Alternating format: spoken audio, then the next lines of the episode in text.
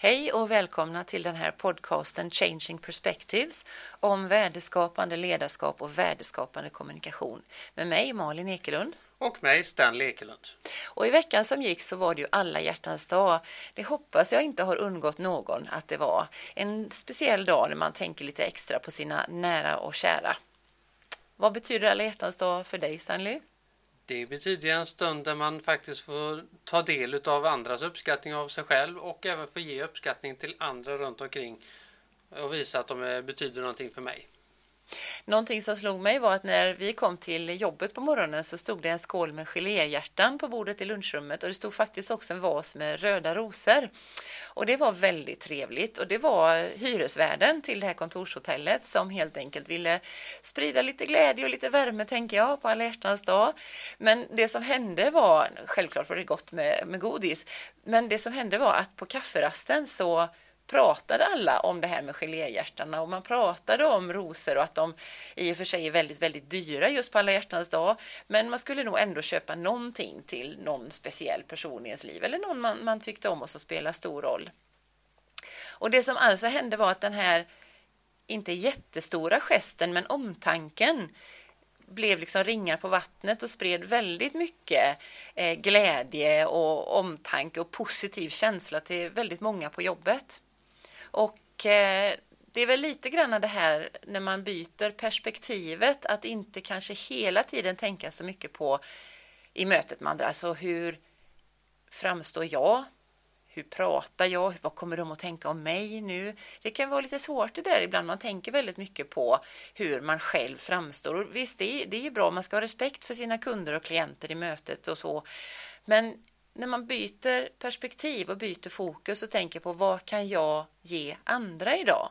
Hur kan jag möta mina kunder? Kan jag lösa någons problem idag? Då pekar det ju väldigt mycket på hur man själv är som människa också. Och det är en viktig ledarskapsfråga. Och därför kommer vi in på det som vi tittar på lite grann idag. Att eh, vi hittade som Jusek har lagt ut något som kallas lyckometer och då har man lagt fem tips för att må bättre. Och nummer ett. På jobbet. På jobbet, precis. Balans mellan arbete och fritid. Kompetens tas tillvara och kreativitet för utlopp. Närvarande chef som ger löpande stöd. Rättvis behandling och effektiv verksamhet.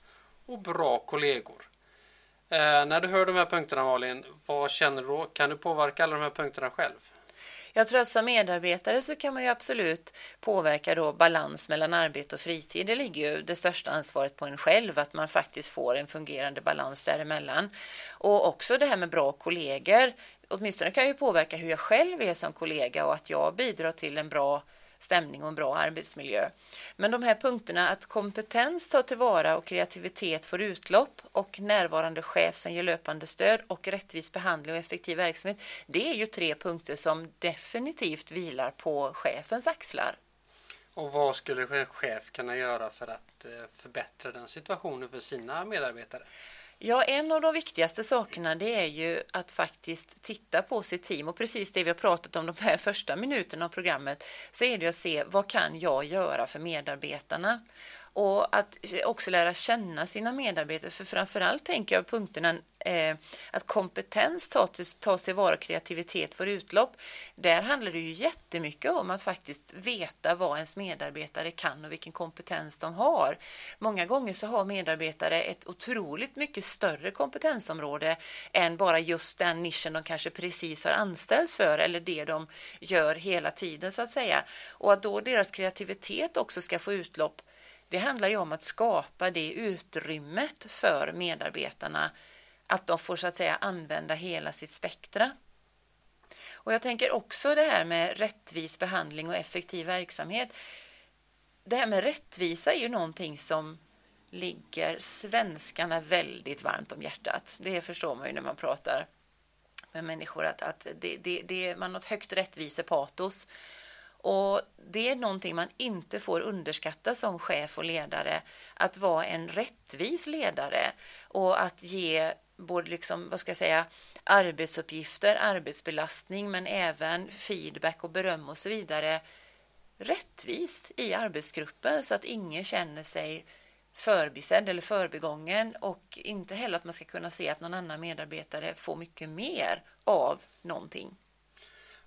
En annan punkt som vi hade var ju bra kollegor och där känner man ju också att det går ju också att kollegor faktiskt gör en rättvis behandling mellan sina kollegor och behandlar alla på samma sätt. Till exempel att hälsa varje morgon på folk. Bara en sån sak är en otroligt trevlig gest att se, jag har sett dig du, när jag kommer till jobbet. Du är inte anonym utan du är en person som jag ser varje dag. Och eh, finns det några andra saker som du tycker att man kan göra för att eh, förbättra kollegorna emellan? Ja, det är väl de klassiska sakerna att man faktiskt inte ska ägna sig åt eh, skitprat rent ut på arbetsplatsen. Man ska vara man ska hålla sina kollegor om ryggen om jag får säga så. Alltså man ska inte, inte sprida dålig stämning på jobbet och ägna sig åt gnäll. Eh, jag vet att man många gånger säger att gnäll är konstruktivt och det kan det vara om det är ett gnäll som pekar på saker som inte funkar och man också gör något konstruktivt med det. Men att fastna i de här negativa spiralerna, att till exempel fikarasten alltid handlar om att Åh, nu har chefen missat det eller nu har de i ledningen inte fattat det eller vad ska hända nu och vi vet ingenting. Det är det skapar en dålig känsla hos en själv också och det sprider negativ energi. Och jag säger inte att man ska vara en rolighetsminister eller alltid positiva Nisse. Det säger jag inte. Men det är viktigt att faktiskt tänka på vad man säger och tänka på vilken energi man sprider runt omkring sig. Spelar det någon roll om chefen är närvarande på fikarasten? Vi pratade lite om att ett tips var att ha en närvarande chef som hela tiden gör löpande stöd. Ja, vad tycker du själv?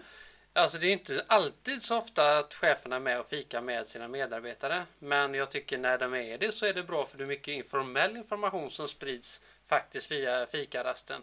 Som gör att man får en förståelse för även chefens roll. Vilket gör en positivitet för medarbetaren också. Ja, jag tror närvarande chefer är, är superviktiga helt enkelt.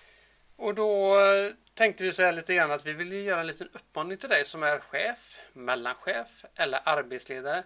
Och även du kan testa detta mot dina kollegor. Även det. Att eh, du säger någonting positivt till dina medarbetare varje dag. Varje medarbetare ska få ett positiv feedback från dig varje dag. Och tänk på att det tar 21 dagar för att ändra ett beteende. Så att du gör detta i 21 dagar så kommer du sen att göra detta per automatik utan att behöva tänka på att du måste göra det varje dag. Så sätt dig ner, skriv en lapp som en påminnelse, en reminder på din dator. Säg något positivt till mina medarbetare varje dag. Tror du att det kan skapa en förändring på en arbetsplats? Jag tror att alla små och stora positiva saker alltid skapar förändring. Och som jag sa, det här med positiv energi, det är jätteviktigt. Och en chef, en arbetsledare är alltid en förebild och är alltid den som sätter ribban, så att säga, vilken kultur är det som ska gälla på den här arbetsplatsen. Så har man en uppmuntrande chef som också säger positiva saker och som verkligen ser sina medarbetare varje dag, då sprider det sig också till kollegorna sinsemellan. Det är jag helt övertygad om. Så att eh, vi hoppas att ni vågar testa detta och att ni kan komma tillbaka och eh, återkoppla till oss lite grann. Blir det någon förändring? Blir det någonting positivt? Är det något mer du vill säga som ett sista ord? Nej, men vi avrundar med de här orden och eh, säger tack för idag och hoppas att du har fått lite uppmuntran så här i eftervågorna av alla hjärtans dag. Och så får vi försöka att tänka på det och säga positiva saker både till varann och till våra medarbetare varje dag och det tog 21 dagar. Ja, det stämmer. 21 dagar tar det att förändra ett beteende och en vana, skapa en vana utav det man gör. Och eh, vi tänkte själva vara med i den här utmaningen. Och anta den. Och vi hoppas att eh, det här har gett er lite nya perspektiv kanske på vikten av att eh, se andra, att man faktiskt framstår mera professionell och kunnig genom det man gör, att ha klienters bästa för ögonen, se vilka behov man kan möta hos kunden idag eller helt enkelt se vad kan jag göra för mina medarbetare idag och att se dem och tillvarata hela deras kreativitet och spektrum. Men vi säger tack för idag. Och på återhörande om en vecka. Hej då. Hej då.